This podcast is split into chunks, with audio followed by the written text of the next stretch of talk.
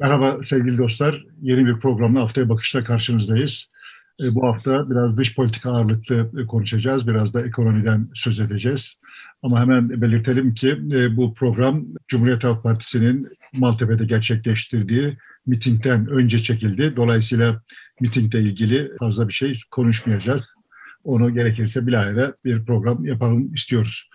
Ee, en önemli konuda NATO meselesi, Finlandiya ve İsveç'in NATO üyeliği ve Türkiye'nin buna itirazı meselesinde e, gündeme gelen tartışmalar. Buradan başlayalım istersen. Türkiye bekleniyor muydu, beklenmiyor muydu o da ayrı bir şey ama beklenmedik bir şekilde diyelim. İsveç'in ve Finlandiya'nın e, NATO'ya üye olmasına itiraz etti. Gerekçe olarak da bir güvenlik teşkilatında terör örgütünü destekleyen ülkeler yer alamaz gibi bir değerlendirme yaptı ve görüşmelerin başlamasını, kabul görüşmelerin başlamasını e, orada bulunan daimi büyükelçinin itirazıyla engellemiş oldu. Dolayısıyla görüşme yapılamadı ama diğer ülkeler Almanya mesela ve Amerika Birleşik Devletleri bunu çok net bir şekilde destekliyorlar. Şimdi Türkiye'nin yanında bir iki Avrupa ülkesi de e, itiraz etmeye başladılar, yanında yer almaya başladılar. Bu nasıl ortaya çıktı? Türkiye neden acaba Finlandiya ve İsveç'e hayır dedi diyebilecek? Türkiye'den başka kimler Türkiye'nin yanında Türkiye'yi destekleyecek şekilde tavır aldı ben takip etme, edemedim. E, bir açıklama şeklinde daha net bir tutum değil. Galiba Sırbistan öyle bir tutum aldı. E, yanlış hatırlıyor olabilirim. Galiba Macaristan da aynı şekilde bir tutum alacak gibi gözüküyor. Bunlar niyet ifade etme şeklinde yani. Bazıları NATO üyesi bazıları değil. Şimdi ben Türkiye'nin böyle bir tavır almasını bekliyor olduğumu söylemiştim geçen sefer. Ama benim tahmin ettiğimin aksine Batılılar bunu bir imkan, bir bahane, bir fırsat olarak görmediler. Öyle görmedikleri görülüyor yani. Amerika ve Almanya gibi ağır toplar. Türkiye sahiden bir arıza çıkartmış gibi görünüyor. Hikaye istersen şöyle başlayalım. Yani Türkiye'nin böyle bir şeye itiraz etmesi prensip olarak itiraz edilecek bir şey mi? Bence değil. Yani bu elinde bir kozsa varsa işte bunun üzerinden bir pazarlık yapmak imkanı varsa yani pekala pazarlık yapılabilir diye görüyorum meseleyi. Ama bunun üslubu, tarzı ve bu pazarlıkla elde edilmeye çalışılan şeyler hakkında bilahare konuşuruz. Ama genel kanaat, genel olarak beyan edilen kanaatlerde beni kesmeyen bir şey var. Şimdi biz durmadan İsveç ve Finlandiya'nın NATO'ya üyelik müracaatından söz ediyoruz. Yani sanki bunlar bir federasyonmuş, hani Avusturya Macaristan imparatorluğu gibi yani yekpare davranıyor olan şeylermiş. Bunlar iki tane ayrı müracaat yani. Dolayısıyla bunların bir tanesini kabul edip ötekisini reddetmek mümkün. Değil mi yani? Yanlış bilmiyorum değil mi? Tabii tabii tabii yani birisini kabul ederek diğerini etmeyebilir.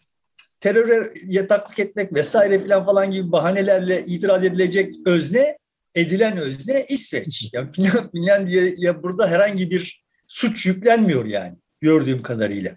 Ve genel olarak yorumcular da hani işin uzmanı olan yorumcular da çıkıp işte Finlandiya kurunun yanında yaş yanıyor vesaire. Yani niye yansın kardeşim eğer derdin senin İsveç'te İsveç'in yürüttüğü faaliyetlerse pekala çıkarsın Türkiye Cumhuriyeti olarak dersin ki aha biz İsveç'in şu şu sebeplerle NATO üyeliğine itiraz ediyoruz.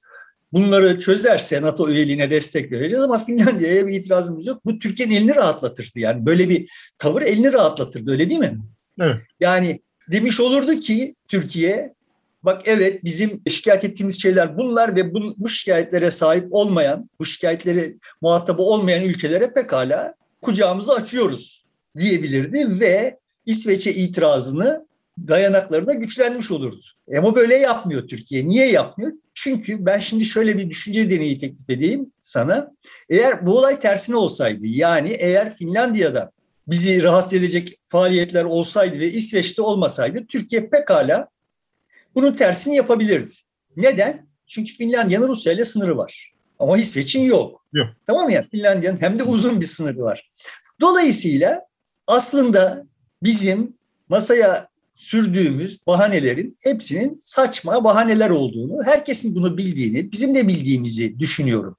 Asıl mesele Rusya'nın sınırına NATO'nun gelmesinin Rusya'yı rahatsız edeceğinden korkmak olduğunu düşünüyorum ve bunu da bu kadar basit bir çıkarımla iddia ediyorum. Yani diyorum ki eğer Finlandiya'nın Rusya ile sınırı olmasaydı veya bizim şikayet ettiğimiz şeyler Finlandiya'da olsaydı biz pekala işte İsveç'inkini, İsveç'in NATO üyeliğini kabul edip Finlandiya'nınkini reddedip hem Rusya'ya hem NATO'ya mavi boncuk verme şansımız olsaydı olayı böyle yapacaktık. Şimdi öyle bir şansımız yok. Finlandiya'yı reddetmek istiyoruz.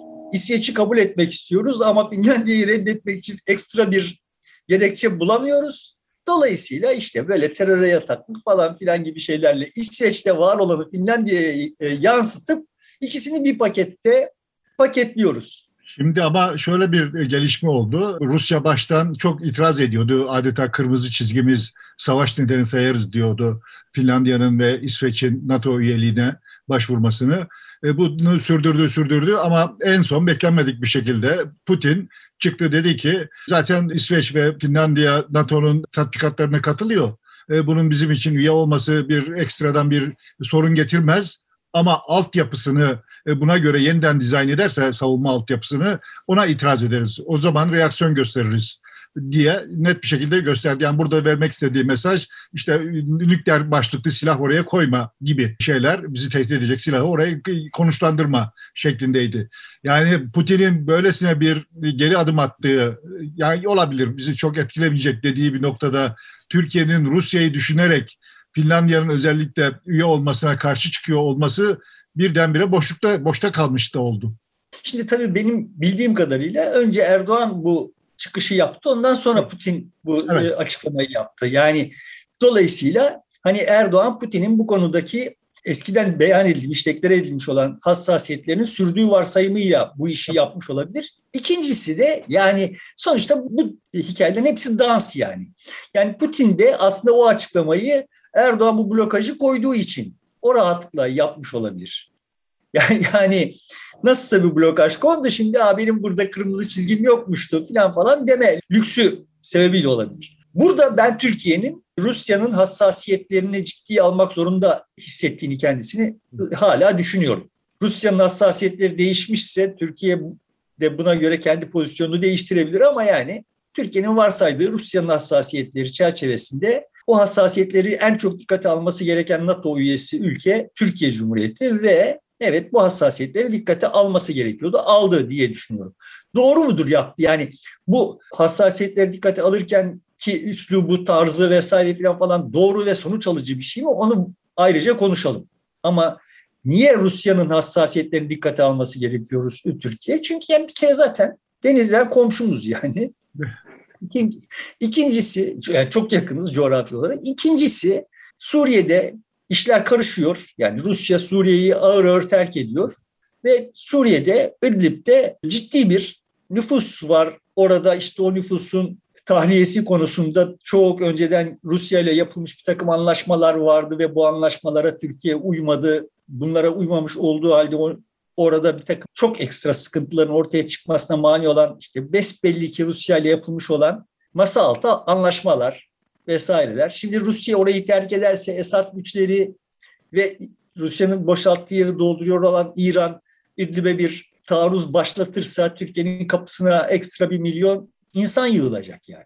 Şimdi Türkiye'nin Esad'a ya bak bunu yapmayın de, dese yaptırım gücü yok. Esad'la zaten böyle bir irtibatı yok vesaire. Dolayısıyla Esad'ı kontrol edebileceğini varsaydığı özne hala Putin. Yani Esad'ın Türkiye'nin menfaatlerini daha doğrusu Erdoğan'ın menfaatlerini ciddi ölçüde tehdit edebilecek çıkışlarını bertaraf etmekte güvenebileceği Erdoğan'ın yegane aktör hali hazırda Putin. Şimdi oradaki gelişmeler şöyle. Rus Savunma Bakanlığı'nın kendi açıklaması 2018 açıklamasında 40 bin Rus askeri vardı Suriye'de. Bunları geri çekmeye başladığı söyleniyor. Bunun ötesinde Wagner güçlerinin orada e, sivil unsurları savaşa soktuğu unsurları da alıp Ukrayna'ya taşıdığı e, ifade ediliyor. Dolayısıyla Rusya'nın bütünüyle olmasa bile büyük çoğunluğuyla Suriye'yi boşalttığı yerine de İran'ı e, ve Lübnan Hizbullah'ını takviye ettiği, bıraktığı söyleniyor. Zaten Esad geçtiğimiz haftalarda Tahran'a gidip orada görüşme yapmış idi. Bir iki görüşme yaptı ve e, bir anlaşmada sağlanmıştı orada.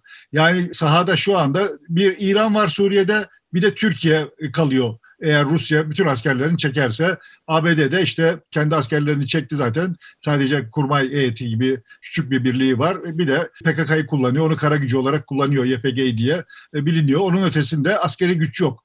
Dolayısıyla Türkiye'nin İran konusunda hassaslaşması ve Rusya ile belli bir itibata geçmesi ve İran'ın arkasında çok yoğun Türkiye'nin aleyhine desteklememesi yönünde bir hassasiyeti oluştuğu açık. Evet yani son tahlilde orada başkasının ülkesindeyiz ve o başkasının ülkesinde şimdi yani denecek ki İran da başkasının ülkesinde ama sonuçta İran o ülkenin fiili yöneticisi, hakimi ile işbirliği içinde orada. O Biz davetle ona, orada. Ora, o da davetle orada. Davet evet, edildi çünkü. Biz, biz ise onlara karşı olarak oradayız yani. Dolayısıyla şimdi o pozisyonu sürdürme artık agresyon sergileyemiyoruz uzun süredir sergilemeden ama hiç değilse defansta o pozisyonu sürdürebilmesi gerekiyor Türkiye'nin yani Erdoğan'ın menfaatleri açısından bakıldığında sürdürebilmesi gerekiyor o pozisyonu. O pozisyonu sürdürebilmesi için de Rusya'dan başka, Putin'den başka herhangi bir güvencesi yok yani. Dolayısıyla Putin'i Putin'den daha çok düşünüyor durumdadır Ankara.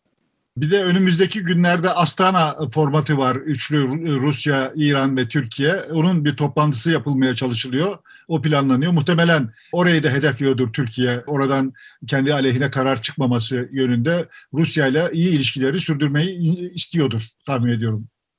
Evet, yani sonuçta bu İsveç ve Finlandiya meselesinde Ankara'yı aslında kuşatıyor olan hikayenin Suriye'deki hikaye olduğunu zannediyorum.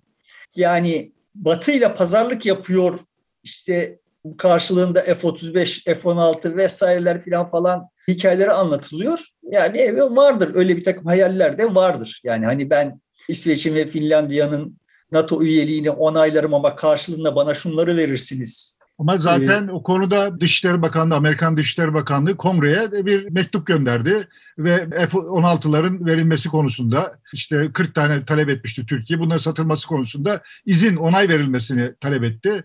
Dolayısıyla yürüyen bir şey var orada. Ekstradan bir talepte bulunması da gerekmiyor olabilirdi. Yani bu konu bir pazarlık yapması gerekmeyebilirdi. Sadece S-400 ve F-35'lere geri dönme meselesi var onun ötesinde. İşte F-35'i sayıyorlar genel olarak ve işte F-16'lar da bunların arasında e, sayılıyor. Ben zaten evet senin dediğin gibi F-16'ların Türkiye'ye verilmesi konusunda merkezi yönetimin yani Birleşik Devletleri merkezi yönetiminin zaten inisiyatif almış olması bu anlamda Ankara ile Washington arasındaki ilişkilerin nispi ölçüde, olabilir olduğu ölçüde yumuşamaya başlaması filan falanın üzerine böyle bir şeyin yapılmasının çok da akıllıca bir şey olmadığını düşünüyorum. Yani Ankara'nın da o kadar yani Ankara'nın çok akıllı olmadığını düşünüyorum ama o kadar da ahmak olduğunu da düşünmüyorum. Yani burada başka bir şey var. Yani pazarlık masasındaki şey mesela şudur deseler ona inanırım yani. Evet. Biden beni arasın, istesin. Biden kendisi istesin. Yani öyle İsveç, Finlandiya falan falan değil. Biden kendisi Erdoğan olarak beni arasın, istesin, istediğinde dünya aleme ilan etsin. Yani benim telefonlarıma çıkmayan o Biden benim önümde diz çöksün. Ben de evet tamam o zaman verdim izni diyeyim gibi bir şey olabilir. Ama Finlandiya Cumhurbaşkanı ile İsveç Başbakanı'nın davet ettiğinde Biden e, Beyaz Saray'da görüştü. Orada Türkiye'ye gitmesini düşünmediğini, Türkiye'nin bu konuda rıza göstereceğini, ikna olacağını ifade etti. Yani e, gelmeyeceği açık. Telefon eder mi o ayrı bir mesele. yani benim bildiğim kadarıyla hiç ortada fol yok yumurta yokken bu lafı. Yani kimse ona böyle bir şey sormamışken falan falan söyledi yani. Hmm. Şimdi görünüyor ki böyle işte Biden kendi kamuoyunda bunun ne manası varsa ya da kendi siyasi çevresinde bunun ne manası varsa bilmiyorum. Erdoğan'ı aramamak üzerinden kendisine bir prestij çıkarıyor, bir, bir politik bir siyaset çıkarıyor. Erdoğan da Biden'a kendisini aratmak üzerinden bir siyaset çıkartma derdinde olabilir yani. Yani benim aklıma başka bir şey gelmiyor. Batı ile yapılıyor olan pazarlık çerçevesinde. Çünkü çok uzun süredir Ankara'da bu tür kozlar, masaya yatırılan kozlar, yani ister Suriye'de, ister Libya'da, ister e, başka hususlarda olsun, masaya yatırılan kozlar Türkiye'nin menfaatleri karşılığı bir takım takaslar, bir takım alışverişler için olmuyor. Erdoğan'ın menfaatleri için oluyor. Yani bunlar çok uzun süre önce birbirlerinden ayrıştılar ve şimdi de ayrı olduklarını düşünüyorum. Dolayısıyla Erdoğan'ın bütün burada işte bu İsveç Finlandiya meselesinde eğer Suriye'deki Esad korkusu Rusya ile Putin'le frenleme hayali yok ise bir pazarlık meselesi ise mesele o zaman pazarlığı yapılıyor olan hususun Erdoğan'ın seçime giderken yanına yanında taşıyabileceği bir azık olması gerekiyor. Ve yani bu ne olabilir diye düşündüğüm zaman da yani işte olsa olsa Biden beni aradı bak gördünüz işte biz Türkiye olarak şöyle takoz olduk. Bizden öncekiler hep alta yatıyorlardı bak biz yatmadık dik durduk filan işte sonra peki ne oldu? Sonra işte onların istediğini yaptık. Ama yani önemi yok yani. Biz şimdi Biden beni aradı. Şimdi Ey, Alman, Alman basını da tam buna uygun bir değerlendirmede bulundu. Erdoğan e, bu meseleyi iç politika için kullanıyor, seçime malzeme hazırlığı yapıyor diye değerlendirmelerde bulundular. İşte bu iç politika için ne şey yapamıyorum yani ne olabilir, ne murad edilebilir Ankara'da iç politika için? Yani şimdi diyelim ki Türkiye NATO ile papaz olduğu zaman NATO'da bir arıza çıkarttığı zaman Türkiye'nin NATO'dan ihraç edilmesi gibi bir şey gündeme gelecek olsa ya şunu biliyoruz Türkiye'de sokağa çıksak her 10 kişinin 11'i NATO'ya karşı yani. Tabii. Değil mi? Yani bu, bunu biliyoruz. Ama bu hangi şartlarda böyle? NATO üyesi olduğumuz şartlarda böyle. Yani Türkiye NATO'dan çıksa sokaktaki insanın tutumu hiç de öyle olmayacak. NATO üyesi olabildi, olduğumuz için NATO'ya böyle ağız dolusu sövme lüksüne sahip oluyoruz. NATO şu anda Türkiye Cumhuriyeti'ni öyle veya böyle Batı medeniyetine ilikleyen son iplik. Buradan çıkılması ihtimali ya da bu, buradan çıkılması tehlikesi herkes için, Türkiye'deki herkes için bir alarma sebep olur ve bu iç politikada iktidar lehine olmaz. Şimdi zaten bununla ilgili şeylerde raporlarda vardı. Türkiye'nin Batı'yla tek bağlantısının NATO üzerinden gerçekleştiği yönünde. NATO parlamenterler toplantısında Türkiye Başkanı AK Partili bir milletvekilinin yazdığı raporda da bu çok net bir şekilde ifade ediliyordu. Zaten Hulusi Akar da bunu sık sık ifade ediyor. Kaldı ki NATO'nun genişleme e, kararında Türkiye'nin de oyu var. Yani Finlandiya ve İsveç'i dahil etme, e, doğuda daha da genişleme yönünde aldığı kararda Türkiye buna itiraz etmedi. Evet dedi. Onay verdi yani. Dolayısıyla şimdi geri adım atması özel bir sebepten dolayı, özel bir şeye e, karşılık yapılıyor izlenimi veriyor. Onun işte iç politika olabilir, başka pazarlıklarda olabilir ya da işte Rusya ile Suriye konusunda, Esad konusundaki bir e, pazarlık da olabilir gibi duruyor.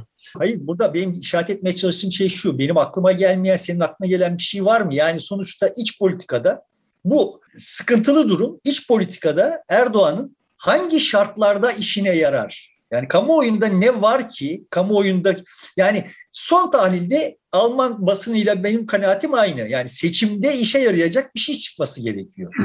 Şimdi burada sıkıntı çıkartmış olmayı Erdoğan neye tahvil ederek, neye döndürerek Türkiye'de kamuoyundaki azalan desteğini tahkim edebilir? Yani bunu bulamıyorum yani işte anti-Amerikancılık üzerinden, işte anti-Batı üzerinden zaten Türkiye'de kuvvetli bir damar var burada geçmişten gelen. Ve bunu yeniden kaşıyarak biz büyük güçlerle mücadele ediyoruz. O ekseni oturtmak isteyecektir. İşte Merkel'le yaptığı, referandumda yaptığı tartışmada işe yaradı bu. Şimdi bunu burada yeniden kullanacak gibi gözüküyor çalışmıyor artık bu yani. Evet. Birçok sebeple çalışmıyor. Yani sonuçta böyle diklenip diklenip sonra dik duramamış olmak yüzünden çalışmıyor. Ve bir yandan da dediğim gibi hani olay artık sonuna dayandı. NATO'da koparsa biz Edirne'nin ötesine gidemeyeceğiz. Gibi. Korkusu var artık kamuoyunda. Dolayısıyla Şimdi, bu kadar kanıtlaması çalışmıyor toplumda benim evet. gördüğüm. Şimdi şöyle yani, bir e, yorum daha var. Bu alttan alta yapılıyor. O da şu Türkiye e, Moskova'nın yerini alacak. Avrupa'nın enerji merkezi haline geliyor. Bunu yaparken e, Rusya ile bir doğrudan karşı karşıya gelmemek için bak ben senin için çok mücadele ettim NATO'da. Sizi bir araya getirmeye de çalıştım Zelenski ile ama sen gelmedin. E ne yapalım şimdi bunlar da bizden üzerimizden petrol istiyorlar, doğalgaz istiyorlar. Biz bunu yaptık, mecbur kaldık deyip oradaki tepkiyi yumuşatmaya yönelik bir ön hazırlık diyenler de var. Biraz cılız bir e, gerekçe olsa da. Yok ben tekrar söyleyeyim. Ben Moskova'nın öyle veya böyle bizim aleyhimize e, birçok yani Erdoğan aleyhine hem bizim aleyhimize hem Erdoğan'ın aleyhine olacak birçok şeyi tetikleyebilecek güce sahip olduğunu, pozisyona sahip olduğunu kabul ediyorum. Doğrudan kendisinin elinde işte bizim doğal gaz vanalarımız olmasının ötesinde dediğim gibi Suriye'de kapıların zorlanmasına sebep olacak işleri yapabilir. Yani Sedat'ı üzerimize salabilir vesaire filan falan. Şimdi sonuçta Suriye'de çok tehlikeli bir pozisyondayız. Oradaki ellerimiz çok tehlikeli pozisyonda filan falan yani. Dolayısıyla Putin eğer isterse bizim canımızı fena halde yakabilir. Yaktı daha önce değil mi yani yaktı yani orada işte 30 küsür gencimizi telef etti falan. Şimdi bunu çok daha vahimlerini yapabilir. Ve bu Erdoğan için çok dehşet senaryosuna yol açabilir. Dolayısıyla Putin'i teskin etmek için böyle bir şey yapmayı anlarım. Ama Batı ile pazarlık olduğu zaman, mesele buraya getirildiği zaman Batı'dan bize, Batı bize ne verebilir? Bunların karşılığında da biz evet tamam kabul ettik diyebiliriz düşünüyorum. F-35'i vermezler artık. Yani işte belki alttan alta yine Halkbank vesaire falan, falan gibi hikayeleri vardır. Yani tamam bu. Ama son tahlilde bunun tehlikeli taraflarından bir tanesi şu. yani bu Yunanistan Başbakanı'nın Washington'da ağırlanması, işte orada çok fütursuzca tamam ya kardeşim bu Türkiye'ye katlanmayalım artık kanaatinin beyan edilmesi vesairesi filan falan gösteriyor ki aslında Türkiye'den kolaylıkla Birleşik Devletler vazgeçebilir. Avrupa bu konuda. Şimdi orada ama iki bir görüşme oldu e, Washington'da. Evet Miçotakis gitti önce Beyaz Saray'da ağırlandı. Arkasından kongrede 42 dakika konuştu. 38 kere alkışlandı. Uzun uzun alkışlandı da. O Baltık'tan Girit'e bir hat çekelim. NATO hattını e, savunmayı burada kuralım. Türkiye'yi dışarıda bırakalım. Ona silah da vermeyelim. Güvenilmez bir ülke zaten dedi. E, bunu ifade etti ve bunun kampanyasını yürüttü. Ama öte yandan aynı gün kongrede konuştuğu gün e, bizim Dışişleri Bakanı oradaydı ve iki yılı aşkın bir süreden bu yana ilk kez ABD'ye resmi ziyarette bulundu. Birlikte bir mekanizma kurmuşlardı, işbirliği mekanizması. E, o çerçevede gitti. Ankara'da yapılmıştı Mayıs'ta, Mart'ta toplantı. Şimdi onun devamı olarak oraya gitti. E, orada da Blinken'la arasındaki görüşme son derece iyi ve olumlu geçen bir görüşme oldu ve onlar son, son derece Türkiye'nin NATO'da kalacağından ve e, bu işlere evet diyeceğinden ve Türkiye'ye silah verilmesinin doğru olduğundan söz ettiler. İkili bir yapıyı orada oynuyor Amerika. Hem Yunanistan'ı koruma hem de Türkiye'ye koltuk çıkma gibi ikili e, tutumunu yıllardır sürdürdüğü şeyi gene sürdürüyor gibi bir izlenim var. Ya tabii ki hani sen Amerika olsan sonuçta orada iki tane düşman kardeş varsa bunların arasındaki düşmanlıktan yararlanarak ikisini de ikisine de istediğini yaptırabiliyor isen bunu yaptırmayı sürdürmeyecek misin yani? E yani tablo böyle. Şimdi sen Amerika'nın Türkiye'deki e, nüfuzunu zayıflatmanın kestirme yolu Yunanistan'la işbirliği yapmak. Aranı iyileştirmek yani. Senin güney sınırlarının ötesindeki problemleri çözmenin en kestirme yolu Kürtlerle doğru dürüst bir ilişki kurup kendi Kürtlerine sahip çıkmandı. Sen kendi Kürtlerine kavga ettiğin için iş orada öyle gitti. Burada da Yunanistan'la kavga ettiğin için böyle gidiyor zaten yani. Ve yani o dışarıdaki birilerinin de bunları kullanmamasını beklemek ama kardeşim e, omurgalı olun falan filan demek ahmakça bir şey. Sana diyor ki işte Yunanistan Başbakanını ağırlayıp sana diyor ki bak ben senin telefonuna bile çıkmıyorum ama Yunanistan Başbakanını böyle ağırlıyorum. Hani haddini bil diyor. Yunanistan'a da işte bak ama Türkiye'nin şunlarına ihtiyacımız var, şunlar Türkiye hak ediyor filan falan diyerek Yunanistan'a haddini bil diyor. Sen iki tarafta kendi şeyinde tepişip duruyorsun yani. E, o, bu olaylar böyle olur. Şimdi pazarlık yaparsın.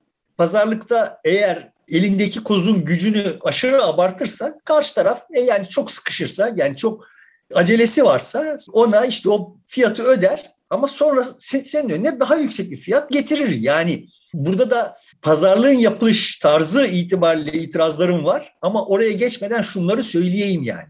Şu tehlike var. Aslında bu hikayeyi kanırtarak Ankara NATO'dan çıkartılmayı talep ediyor olabilir. Yani talep etmek yanlış bir tabir oldu. Zeminin, NATO'dan çıkart zeminini oluşturuyor olabilir.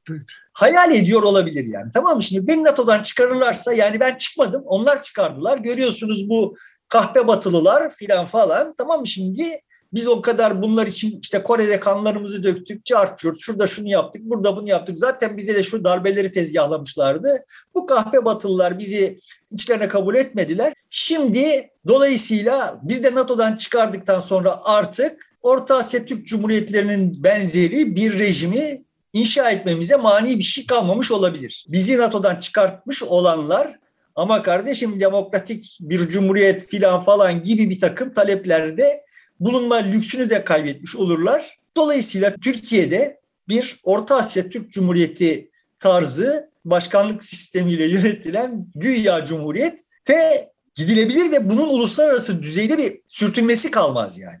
Bu hayal ediliyorsa yani o zaman yandık zaten. Yani böyle bir şey hayal ediliyorsa burada, ama şunu söyleyebilirim yani o durumda Türkiye'nin kamuoyunun destekleyeceği bir senaryo değil bu senaryo. Erdoğan'a oy verenler de dahil. Dolayısıyla o senaryonun gerçekleşmesi durumunda olması gereken şey arkada çok ciddi bir paramiliter güçle toplumu şimdikinden çok daha fazla baskılama ihtiyacıdır. Bunu göze alabilirler mi filan Ankara'da bunu bilmiyorum yani. Şimdi şöyle iki görüş var gibi duruyor Batı'da. Birisi Miçotakis'in dillendirdiği Baltık'tan Girit'e bir hat çekerek savunmayı orada kuralım. Diğeri de Baltık'tan Karadeniz, Karadeniz'den Körfez'e inen bir hat kuralım NATO hattı şeklinde. E, galiba Batı'da da e, bu tartışma var. Hangisi daha doğru e, şeklinde diye işte Gürcistan'da dahil edecek şekilde aşağı inmek var. Türkiye'de muhtemelen kendini burada bir pazarlık şansı mı görüyor? O, bunu kullanmak mı istiyor? Ama bu da bu şekilde mi olur? Bu çok tartışmalı konu tabii. Ya şimdi ben yanlış bilmiyor isem NATO'ya, Finlandiya ve İsveç'in üyeliği süreci normal şartlarda işte senin demin sözünü ettiğin türden bunun görüşülmesi için bu blokaj olmayacak Türkiye diyelim. Blokajda bulunmayacaktı. Görüşülecekti. Sonra akabinde bunlar her ülke tarafından 30 üye ülke tarafından onaylanacaktı. Sonra yani onların e, siyasi iradesi tarafından onaylanacaktı. Sonra da her birinin parlamentosuna gidecekti. Değil mi? Her birisinin parlamentosuna da oylanacaktı yani. Parlamentosunu gidiyor mu ondan emin değilim. Benim gidiyor yani. Sonuçta bu muhtelif safhalarda durdurulabilir bir hikaye. Yani Türkiye doğru dürüst pazarlık ya mesela pazarlık olsa bunu böyle cami çıkışında böyle küt diye söylenecek şeyler değil bunlar yani. Bunlar üslubuyla yapılması yani pazarlık yapılması gerekir. Benim buna bir itirazım yok. E, senin kucağına düşülmüş ise senin de bir takım sıkıntıların var ise yani evet pazarlık yapılması gerekir. Ama şimdi normal şartlarda bu pazarlık ülkenin menfaatleri için yapılır. Erdoğan'ın menfaati için yapılmaz. Birincisi bu, ikincisi tarzı bu değil yani. Ama niye bu tarz tercih ediliyor? Çünkü evet köşeye sıkışmış. Türkiye'de parlamentoyu fiili olarak iptal etmiş. Partisini fiili olarak iptal etmiş. Her şeyi kendisi haline getirmiş olan bir adam var. Ve dolayısıyla zaten onun dışındaki herhangi bir unsurun blokaj koymasının bir hükmü yok. Yani işte gördük ki böyle hani batıya şöyle dikleniyor olan filan falan güya Erdoğan Birleşik Arap Emirlikleri hakkında bir televizyon programında bir cümle söylemiş olan grup başkan vekilini hayatından bezdirdi ve sonunda işte görevden almak zorunda kaldılar. Yani Birleşik Arap Emirlikleri buradan nem kaparsa korkusuyla iş yapıyor olan bir heyet var burada ve bunlar bizim inanmamızı istiyorlar ki böyle Amerika'ya posta atıyorlar, Putin'e posta. Yani öyle bir öyle bir Türkiye yok. Türkiye'yi getirdikleri hal Birleşik Arap Emirlikleri aman öksürmesin. Biz zatürre oluruz korkusunda olan bir Türkiye getirdikleri hal bu hal ve şimdi buradan böyle bir takım işler yapmak durumunda kalıyorlar. Bunu da Erdoğan'ın ağzından yapmaları gerekiyor. Yani çünkü işte orada parlamento, burada parti filan falan partinin içinde birileri çıkıp da dese ki televizyonda işte ya kardeşim bu NATO'da çok oluyor ama filan dese filan böyle bir güç koyup arkaya bunun üzerinden bir pazarlık yapılsa bunlar normal diplomatik oyunlar olur değil mi? Şimdi sana sana böyle yapıyorlar yani. İşte orada Biden şöyle yapıyor, Blinken böyle yapıyor filan falan. Orada bilmem senato başkanı şu demeci veriyor. Cumhuriyetçi partinin bilmem hangi milletvekili şu takozu koyuyor filan yani işte sen burada tek irade haline getirmişsin. Dolayısıyla dünya kamuoyunun baktığı tek ağız var. Bunun ne kadar riskli bir şey olduğunu bir daha görüyoruz ama adam bundan çok memnun yani. Ya adamın çünkü zaten hayattaki tek beklentisi buydu. Bunun Türkiye'nin menfaatine olmadığı işte defalarca her gün her gün görünüyor. Burada da adamın bunu cami çıkışında söylemesi kendi getirdiği şartlar itibariyle zaruretti. Buradan pazarlık çıkmaz yani. Şimdi bu bütün olup bitenler karşısında muhalefetin ben bir değerlendirmesini dış politikayla işte özellikle e, bu NATO üyeliği çerçevesindeki tartışmalarda e, bir şey açıklama görmedim ya da var da ben duymadım da olabilir ama hani kamuoyunun önüne gelen kuvvetli bir şey yok. Muhalefet bu konularda niye bir şey söyleyemiyor ya da aynı çizgi onaylıyor mu destekliyor mu? Yani muhalefet problemi de doğru teşhis etmiş değil herhangi bir konudaki problemi de doğru teşhis etmiş değil. Türkiye'de doğru tahlil etmiş değil. Zaten sıkıntı buradan çıkıyor yani. Yani işte ya nereden çıktı bu NATO ne güzel pahalılık konuşuluyordu filan diye kendi aralarında konuşuyorlardır yani muhtemelen. Yani bunu gündem değiştirme olarak mı görüyor bir, bir belli oranda? Onu da söyleyemezler muhtemelen çünkü gündem uluslararası planda değişti. Yani biz değiştirmedik bu namussuz İsveçlerle Finlandiyalılar değiştirdi. Dolayısıyla şimdi aslında evet burada Türkiye'nin halini, Türkiye'nin ne kadar deforme olmuş olduğunu ve bunun ne kadar riskli bir şey olduğunu, durum olduğunu konuşabilecek, saatlerce konuşa, konuşabilecek mevzu var yani. Ve konuşulması da gerekiyor. İşin daha enteresanı yani sonuçta şimdi ama bunlar böyle şematik bir NATO düşmanlığı, şematik bir Batı düşmanlığını zaten kendileri de içselleştirmişler. Çünkü işte tafi tarihinden beri yani işte geldiler Batılılar bizim güzelin imparatorluğumuzu böyle şıkır şıkır gül gibi çalışıyor olan imparatorluğumuzu imha ettiler. Bizi işte filan falan hikayeleriyle büyümüş. Bunları hiç sorgulamamış filan insanlar bunlar yani. Şimdi muhalefet konusunda artık konuşmak istemiyorum. Olabildiği kadar az konuşmak istiyorum. Ne kadar konuşmak istemesek imkansız da. Ama şimdi şu hadisede muhalefetin tutumu taşıdığın gündeme susma şansım yok yani. Bunun ne kadar hayati bir mesele olduğu yani Türkiye Cumhuriyeti'nin tarihi açısından bakıldığında ne kadar hayati bir mesele olduğu ortada değil mi yani? Türkiye bir eşiğe gelmiş, Batı medeniyetiyle papaz olma durumuna gelmiş ve işte buradan son tahlilde eğer bir adımda bir şeyler alıp da Erdoğan veya Türkiye bir şeyler alıp da geri adım atacaksa da başımız derde girecek hiç böyle bir şey olmazsa daha kötü derde girecek vesaire falan falan. Ve dediğin gibi muhalefet burada böyle dut yemiş bülbül gibi hiç çıta çıkmıyor. Ve istiyor ki ama şimdi bu, bu kadar hayati meselelerde hiçbir şey söylemesin ama bu Erdoğan'dan kaçanlar, bezmiş olanlar muhalefetin kucağına otursun yani. Sonra bak ama bu doğru bir şey değil dediğinde o muhalefete muhalefet ediyorsunuz diye caz yapılıyor. Muhalefet ne yapsın oluyor. Şimdi bizim geçen haftaki videonun altında hoş bir yorum vardı. Kara Kızıl ve Prekarya Nikli, Niki de çok hoş olan e, izleyiciden. Ve işte yani muhalefet ne yapsa sonunda yine de bu iktidara yarar gibi geliyor bana. Ama hani buradan muhalefetin yaptıklarının doğru olduğunu düşündüğümü çıkarmayın diye ve işte hani iki tane çıkış yolu bırakmış bana. Ya hani söyle bakalım bir şey olarak, bir fikir olarak bir şey söyle ya da bu halde biz nereye kadar batacağız bunu söyle. Şimdi nereye kadar batacağızı örtülü olarak söylemiş olduk.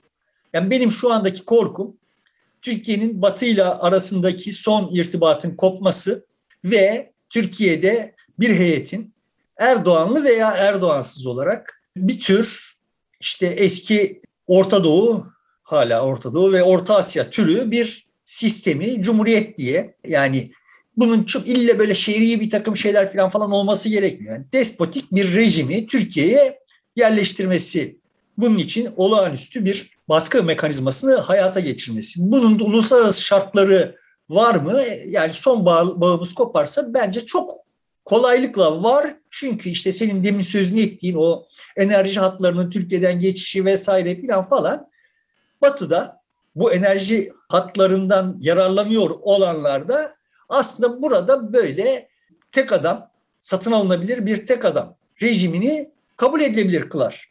Tamam Dolayısıyla içerideki muhalefet bastırılabilirse, toplum bastırılabilirse uluslararası konjonktür uygun Türkiye daha önceki videolardan birinde söylemiştim. Moskova'nın yerini alıp o doğal zenginliklerin yeraltı kaynaklarının batıya transferinde bir aracı haline gelebilir. Buradan bir yığın işte oligark türer falan. Sonra bu oligarklar paralarını gidip Londra'da yıkarlar. yani biz hariç herkesin işine gelecek bir sistem kurulabilir. Bu benim gördüğüm en karamsar gidişat. Türkiye'nin toplumunun böyle bir oyuna getirilmesi için çok ciddi bir kayıp vermesi gerekir. Yani bu Türkiye'de o kadar kolay yerleştirilebilir bir şey değil ama yani gözünü karartanlar bunları yapabilirler yani. Buna da uygun yani mevcut teknolojik seviye. Peki iyimser tarafı muhalefet ne yapabilir diye gelelim. Ya bak şimdi Örevizyon diye bir şey oldu ve biz bir daha katılmadık buna filan yani işte dandik dundik işler, uyduruk uyduruk şarkılar falan. Bilmiyorum izledin mi, yani takip ettin mi olayı? İşte ben de e, bilmiyordum. İşte jürilerden gelen oylar varmış. O oylarla İngiltere birinci oldu. Sonra kamuoyundan bu işte SMS'le falan falan galiba kullanılan bir takım oylar var. Şey süpürdü Ukrayna. Yani anladım, bilmiyorum mekanizmasını tam olarak. Anladığım kadarıyla o kamuoyunun toplam işte 6 bin, 8 bin neyse bir oyu var ya da 10 bin. Bilmiyorum, bu 4 bin küsürünü şey aldı. Ukrayna. Ukrayna aldı ve birinci oldu yani. Şimdi neresinden baksan hani bir adil yarışma, bir e, sanat eseri eserlerinin yarıştığı adil bir yarışma falan falan. Hani müzik, e, popüler müziği sanat olarak kabul edeceksek yani. Olarak bakarsan tam bir parodi. Komedi yani. Ama yani işte 10 milyonlarca insan bunu izledi, eğlendi, işte o puanlamalar üzerinden dedikodu yaptı, şu oldu, bu oldu filan falan. Yani son tahlilde bir bir hadise yani. Tamam bir, bir şov, bir gösteri.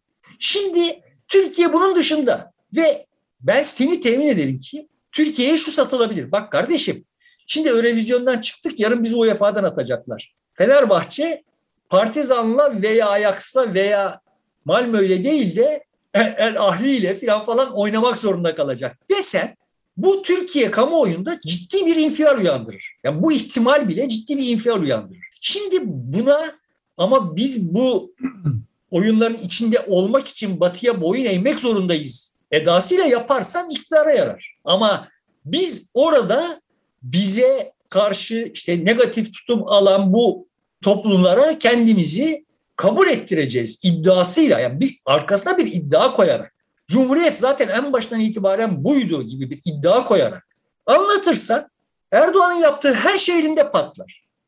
E, çünkü zaten görünüyor ki toplumda ciddi bir Doğu, Orta Doğu hasımlığı vardı. Bu sığınmacılarla bu olağanüstü güçlendi bu duygu. Tamam ya şimdi herhangi bir Türkiye Cumhuriyeti vatandaşı için batıdan dışlanmış olma yani Batı ile bağlantısının kopmuş olması dehşetli bir korkudur. Her şeyden önce bir de şu da var yani Türkiye'de işte kaç milyon 10 milyon hane varsa bu 10 milyon hanenin 3-4 milyonunun batıda bir, bir şey var.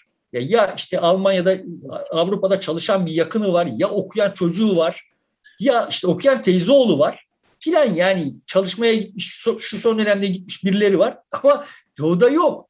Yani Kürtlerin sınırın ötesindeki hısımları dışında gitmiyor. Gençler bile yani Türkiye'den ayrılmak isteyen gençlerin neredeyse tamamı batıya gitmek istiyor. Yani bu bile e, şeyi gösteriyor. İlginin nereye yönelik olduğunu gösteriyor. Ya geçen de şimdi adını hatırlamıyorum. Adını hatırlamam da benim ayıbım yani. Bu sosyalistlerden bir tanesi bilmem kaç senedir Belçika'da yaşıyor. Belçika'dan bize NATO'nun ne kadar kötü olduğunu, Batı'nın ne kadar kötü olduğunu anlatıyorlar. Madem o kadar kötü git Rusya'ya ya da git Çin'e yani. Zevzek şimdi hikaye böyle bir şey.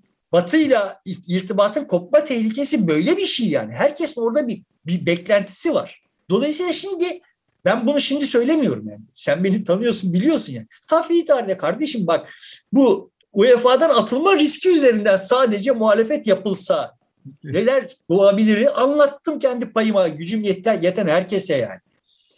Ama bunları yapabilecek, bunları layıkıyla yapabilecek bir heyet yok. Ve yaptıklarına bizim razı olmamız gerektiğini, çünkü zaten bunun yapılabilir olduğunu bize püskürüp duruyorlar. Değil kardeşim. Bilmiyorsunuz. Yapmayı bilmiyorsunuz yani. Ben şimdi bak ha benim dediğim yapın manası da çıkmasın. benim aklıma gelen bunlar yani beni benim gibi birilerini filan falan finanse etseler otursak bir masanın başında 6 ay çalışsak daha neler çıkartırız. Biz çıkartamıyorsak çıkartacak birileri var Türkiye'de. Ama şimdi bunların hiçbiri oyuna dahil olamıyor. Çünkü orada Murat Ongun diye bir biri var mesela. Herhangi bir şeye kafası çalışmayan birisi ve o İmamoğlu'nu kuşatmış Necati'siyle birlikte. Şimdi İmamoğlu o çemberin dışına çıkamıyor. Aklı sıra işte genel merkezden bir itiraz geldiği zaman tamam o makamı kaldır diyor. Zaten olmayan makamı kaldırıyor. Ama Murat Ongun belediyede görevlerini yürütecek diyor filan falan. Neymiş bu adamın görevi ve vasfı ne ya? Yani şimdi durmadan bir liyakat lafı edip duruyoruz. Şimdi Murat Ongun'un vasfı ne kardeşim? Yapıp ettiklerine baktığımız zaman gördüğümüz tablo dehşet verici. Böyle kuşatılmış, teslim alınmış özneler bütün bu muhalefet özneleri herhangi bir dışarıdan gelen bir şeye kulakları kapalı. Kimse zaten Türkiye'de herhangi bir eleştiriyi de kabul etmiyor. Yani son dönemde de en çok bunun tartışması oluyor şu Erşan Kuneri üzerinden filan falan. Yani kimse hiçbir eleştiriyi kabul etmiyor. Sen kendince doğru olduğunu düşündüğün bir şeyi yapmışsındır ama senin onu yaparken ki kasıtlarından başka kasıtlar olan birileri vardır ve onlar sana bir eleştiri yöneltirler. Yöneltirler ve yani tamam ille de o eleştiriyi kabul etmen, af dilemen falan falan gerekmiyor ama itiraz etme kardeşim ya bir. Olay öyle olmuyor yani. Bir takım kariyerist tipler bir takım siyasetçilere siyasetçilerin kuyruğuna takılmışlar. Siyasetçiler onları taşımayı kendi görevleri olarak görüyorlar. Dolayısıyla şimdi akıl nüfuz edemiyor muhalefete. Akıl muhalefete nüfuz edemeyince ya zaten hepsinin tuhaf tuhaf ezberleri var memleket hakkında. Sonra da bir ürün ortaya çıkıyor. Diyorlar ki ya siz ancak bu kadarını hak ediyorsunuz. Ama Erdoğan'ı devirmek için filan diye başlayan cümlelerle birileri de bunu kabul ediyor yani. Sonra o kabul ediyor ben kabul etmeyince ama sen de iktidarın işte filan falan ulan iktidara destek olmayacağım diye iktidar gibi olacak bir muhalefete niye destek olayım yani? Evet doğru. Dersen biraz da ekonomi konuşalım. Bu doların yükselmesiyle birlikte muhalefet gerçi konuşuyordur herhalde ekonomi ama şimdi 2018 Ağustos'undan bu yana e, dolarda bir kıpırdanma oldu. 2018'in önemi e, tabii ki Cumhurbaşkanlığı hükümet sistemine geçiş olması. Mayıs ayında Cumhurbaşkanı Erdoğan demişti ki bu yetkiyi bana verirseniz bu meseleleri çözeceğiz. Çünkü Merkez Bankası ile kendisi arasında bir gerilim e, vardı o dönemde. Merkez Bankası benim dediğim yapmıyor falan deyip itiraz edip duruyor idi. O da yani yapılı faiz sebep enflasyon neticedir, sonuçtur e, klişesinin uygulanması noktasında itirazlar oluyor diye. Şimdi Rahip Brunson krizi patlak verdi Ağustos ayında ve 4.99 olan dolar yani 5 lira olan dolar birdenbire 6.88'e çıktı yani 2 liraya yaklaşmış oldu. 10 gün içerisinde çıktı. Sonra e, biraz geriye indi. Ama arkasından asıl hikaye e, şeyden sonra başladı. Naci Ağbal'ın e, göreve getirildi. 2021'te görevden alındı. Ondan sonra yavaş yavaş yükselmeye başladı dolar. Sonra da Kavcıoğlu geldi, biraz bekledi. Eylül'den itibaren faizi düşürmeye başladı. İşte 19'dan 14'e indi. Bu sırada da dolar 8.30'dan 4 ay içerisinde 13.50'ye çıktı. Bir yukarıya çıktı da önce 18'e kadar sonra düşmüş oldu. 13'lerde stabil oldu. Enflasyon da o dönem %21'di. Yani o rakamları çıktığında Türkiye'deki enflasyon %21 olarak ilan edilmiş idi yeniden bir stabil hal almış idi daha sonra işte 14'lerde kalmış idi. Şimdi önce 15'e çıktı arkasından da 16'ya çıktı. Çok hızlı bir şekilde tırman dayandı yani 16'ya ve durdurulamıyor gibi bir izlenim de var. Oysa hani yetki itibariyle ne var ise yapılabilecek bir yetkiye sahip, her türlü karar alıp uygulanabilecek bir pozisyon ama yetki alındıktan sonra bizim karşılaştığımız tablo 5 olan doların şimdi 16 olması. Yani 11 lira iki kattan fazla artmış olması gibi bir tabloyla karşı karşıyayız. Evet. Şimdi net toplamda dünya ekonomisi hasta. Yani önce bir bu ortamı hakkını verelim. Dünya ekonomik açıdan bakıldığında bir kış mevsimine girdi. Ne olmuş oldu? Bahar dönemine geldiğinde bu bahar herkese beraber gelmişti. Bunlardan işte gelişmekte olan ülkeler denen, BRICS ülkeleri denen ülkeler en çok faydalananlardan oldular. İşte biz de onlardan bir tanesiydik ve işte evet ciddi ölçüde 2002'den itibaren bu dünyadaki bahardan faydalandık. 2008'de sonbahar geldi ve o sonbahar uzun sürdürüldü yapısal riskleri göze alarak ama Covid arkasından işte Ukrayna Savaşı bu sonbaharı sona erdirdi ve kış mevsimine girdik yani. Ekonominin tabutuna son çiviyi çaktı şey. Bütün dünya ekonomisinde bir kış mevsimi geldi. Mesele şu, herkes bu kıştan etkilendi. Ama en zayıf olanlar en başta döküldüler. Onların en başta da biz geliyoruz açık ara. Mevcut kış şartlarında işte o nezle oldu, bu grip oldu, şu bir şey filan falan biz öldük yani. Başkalarının da yaşıyor olduğu, bir takım sıkıntılar yaşıyor olduğunun filan falan bahane olarak gösterilemeyeceği kadar ağır bir fatura ödüyoruz. Çünkü evet aptalca yönetilen bir ekonomimiz var. Şimdi bu dolara endeksli bir Türk yani Türk lirasının hükmünü kaldıran, onu dolarlaştıran bir şey iyi cinali fikirleriyle ortaya koy, koyup ondan sonra da oraya parasını yatıranların parasını çalabilmek için doları baskılayıp filan falan böyle böyle hani uyanık uyanık işler yaptı. Bir aydaki maliyeti 16.3 milyar dolar. Yani 1 milyar doların üzerinde şu anki kurda baktığımızda. Bundan sonraki çok daha yüksek olacak. Evet, Çünkü yani bastırılmış dolarla oydu. Şimdiki dolar 16 lirayı vurdu. Buradan da muhtemelen daha da yukarı çıkacak. Dolayısıyla bu dolara göre ödeneceği için bundan sonraki şeyler Maliyet bu kura göre ödeneceği için çok daha yüksek olacak. Ama şimdi bu arada birilerini dola, yani kendi vatandaşına dolandırdın yani. Ben sana dolar kuru kadar bunu genellikle dış, dış güçler o dolandırma işini genellikle dış güçler yapıyor. Yok işte ben sana sana dolar kuru kadar farkı ödeyeceğim dedin sonra dolar kurunu baskıladın. Nasıl baskıladığını da bilmiyoruz. Yani sonuçta bir para satıp duruyorsun bu paranın kaynağı neresi bunu bilmiyoruz. Yani vatandaşından her türlü veriyi saklayan bir rejimle karşı karşıyayız yani. Ve muhalefet mesela bunu da yeterince gündeme taşı. Bak size güvenmiyorlar yani. Sizden veri saklıyorlar. Niye? Yani sen şimdi karından bir veri saklıyorsan niye saklarsın? Maaşının ne kadar olduğunu, nereden ne kadar gelirin olduğunu saklıyorsan niye saklarsın? Ona güvenmediğin için saklarsın. Güvensen saklamazsın yani. Ya da karın senden bir şey saklıyorsa niye saklar? Sana güvenmediği için saklar. Sonuçta insanlar güvendiklerinden verileri saklamazlar. Devletlerin zaten şeffaf ol, ol, olmak... Sürpriz yapacaklardır. İleride daha güzel bir hediye alacaktır. Onun için de hemen kötü niyette düşünme. Bize sürpriz yapılıyor zaten devletimiz yani. Sonuçta bu verilerin saklanması devlet olmanın karakterini ciddi ölçüde değiştiren bir şey. Yani demokratik devlet dediğin devlet bir yığın aksaklığıyla, şu suyla, bu suyla temel fonksiyonlarından bir tanesi kendisine dair verileri saklama lüksüne sahip olmayan devlettir. Yani ancak böyle işte hani uluslararası istihbarat vesaire filan falan gibi konular uzun süre sonra açıklanmak üzere kayda geçirilirler. Onun dışındaki her şey şeffaf olmak zorundadır. Zaten demokratik olanla olmayanı ayıran en önemli farklardan bir tanesi budur yani. Ve sen şimdi bunu bile muhalefet olarak bak bu verilerle oynanıyor ve saklanıyor anlatamıyorsun yani. Analiz yapamıyoruz biz. Merkez Bankası'nın bilançoları üzerinden ben zaten yapamam da bunu yapabilecek güçte olan o no hava sahip olanlar ellerinde veri olmadığı için analiz yapamıyorlar yani. Dolayısıyla bir şeyleri öngöremiyoruz. Bir şeylerin öngörülemediği bir ülkede ekonominin yolunda gitmesini beklemek ham hayal. Çünkü ekonomi temel ham maddesi güven olan bir şey. Güveneceğim, öngöreceğim, ona göre pozisyon alacağım. Benim aldığım, senin aldığın, hepimizin aldığı pozisyonlarla da bir ekonomi zuhur edecek. Şimdi hepimiz en kötüsüne göre pozisyon almaya çalışıyoruz. Biz öyle pozisyon aldığımız için her şey ol, olacağından daha kötüye gidiyor. Bu sefer o bizim kötümser öngörülerimizi besliyor ve böyle bir pozitif geri bildirim döngüsüyle her şey daha kötüye gidiyor, gidecek yani. Görünüyor.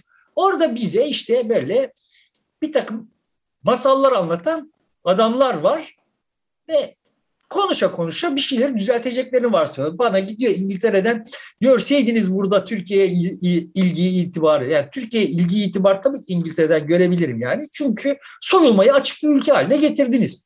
Elini atan ne kadar gücü yetiyorsa alıp götürebiliyor yani burada.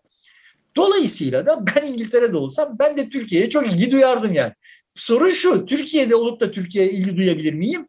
Görünüyor ki eğer bankada dövizim olsaydı, sahiden dövizim olsaydı, yani döviz hesabım olsaydı korkmam gerekiyordu. Çünkü işte evet yakında o parayı çekmeme, döviz olarak çekmeme mani olunacak yani.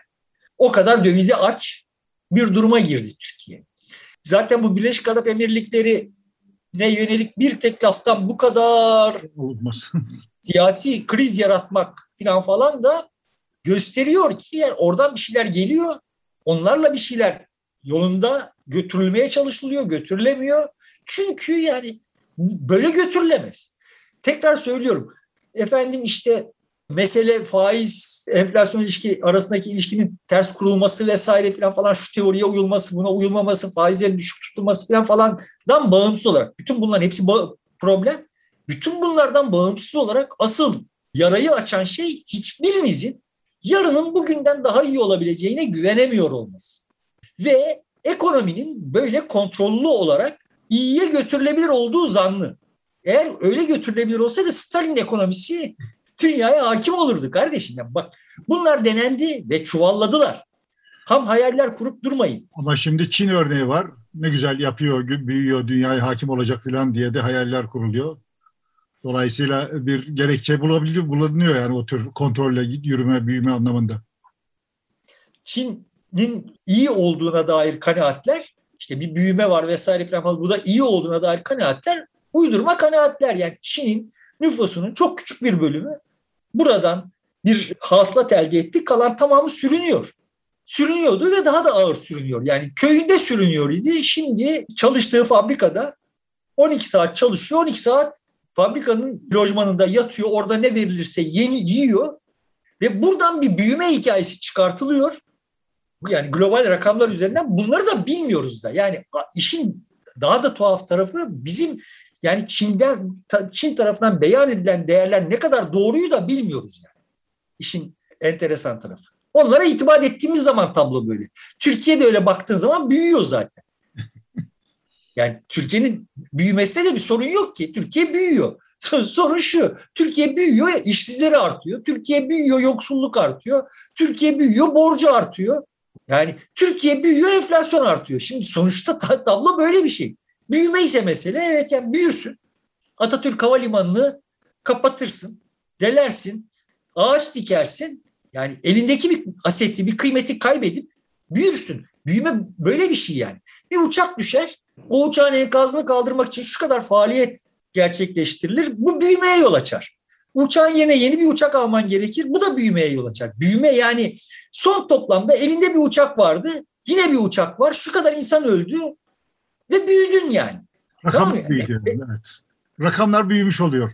Hayır, ekonomik büyüme bunu ölçer. ölçer yani evet. bizim ekonomik büyümeyi şey gösterip de buradan havuç olarak gösterip de buradan gidebileceğimiz bir yol yok ki. Bunun bir manası da yok. Yani.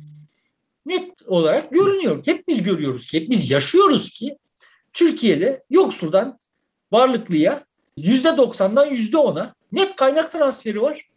Yani on, o yüzde onun kendisinin kurduğu bir tezgah değil yani. Yüzde on kurmuş olsa tezgahı anlayacağım. Yani sen şimdi abuk sabuk kredi vesaire falan düzenlemeleri getiriyorsun. Yani o konut kredilerinden faydalanabilir olan zaten sınırlı sayıda insan var Türkiye'de. Yani bunun hesabını yapabilecek kabiliyetin yok. Bana diyorsun ki bak ben şu kadar 0.99 faizle şu kadar vadeli ev kredisi veriyorum 2 milyon lira ve işte sen bunu al. Ya tamam da kardeşim o 2 milyon 0.99 kredinin taksitini ödeyecek gelirim yok benim ya. Türkiye'nin yüzde 99'unun öyle bir geliri yok yani. Dolayısıyla şimdi bizim ekonomimiz öldü. Buradan yeniden canlandırılamaz vesaire falan falan diye düşünmüyorum. Yani ekonomi dünya ekonomisi de Türkiye ekonomisi de zannedildiğinden çok daha kolay ayağa kaldırılabilir diye düşünüyorum. Yeter ki bu 70'lerin kafa yapısından kurtulunsun yani. Yani işte para basacağız filan falan böyle istihdam yaratacağız. Takıntılarından kurtulunsa akşamdan sabah ekonominin kendi yolunu açabilecek olduğunu düşünüyorum. Toplumların bu yolu açabilecek dinamizmde olduklarını düşünüyorum. Yani bütün dünyada. Sorun o takıntılardan kurtulunamıyor olması ve bunun da bir hasar yani o takıntıları aşmak için bir hasar gerekiyordu. Bunu zaten konuşup durmuştuk. Şimdi onu ödeyecek dünya öyle görülüyor. Yani bu salakların bütün dünyadaki bütün işte o Fed'in başındaki Amerikan hazinesinin başındaki Avrupa Merkez Bankası'nın başındaki filan falan salakların süzme salakların yani. Bir mektep tedrisattan geçmiş ve işte ekonominin esrarını çözmüş olduğunu vehmeden ezberleri olan insanların tamamının tasfiye olacağı, yepyeni fikirlerin ortaya çıkacağı bir şeye ihtiyacımız var. Ve o, o olursa çok hızlı bir biçimde çarkların döneceğini tahmin ediyorum. Bunun Türkiye'de yapılabilirdi. Türkiye'de başlanabilirdi.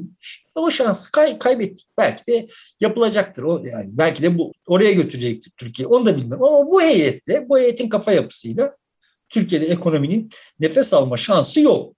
Diyelim burada bitirelim istiyorsun. Varsa birkaç cümle ekleyeceğin. Epey de oldu. Yok, bitirelim.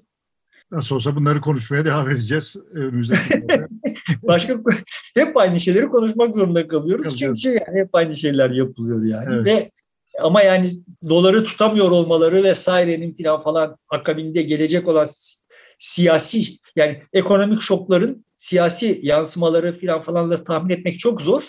Hani buradan belki hani senin söyleyeceğin şeyler olabilir. Sonuçta bu Türkiye'yi bir erken seçime götürür mü vesaire filan falan gibi konular Muhtemelen o, o daha çok gündeme gelecektir. Ben işte bir hafta falan Ankara'da vakit geçirdim.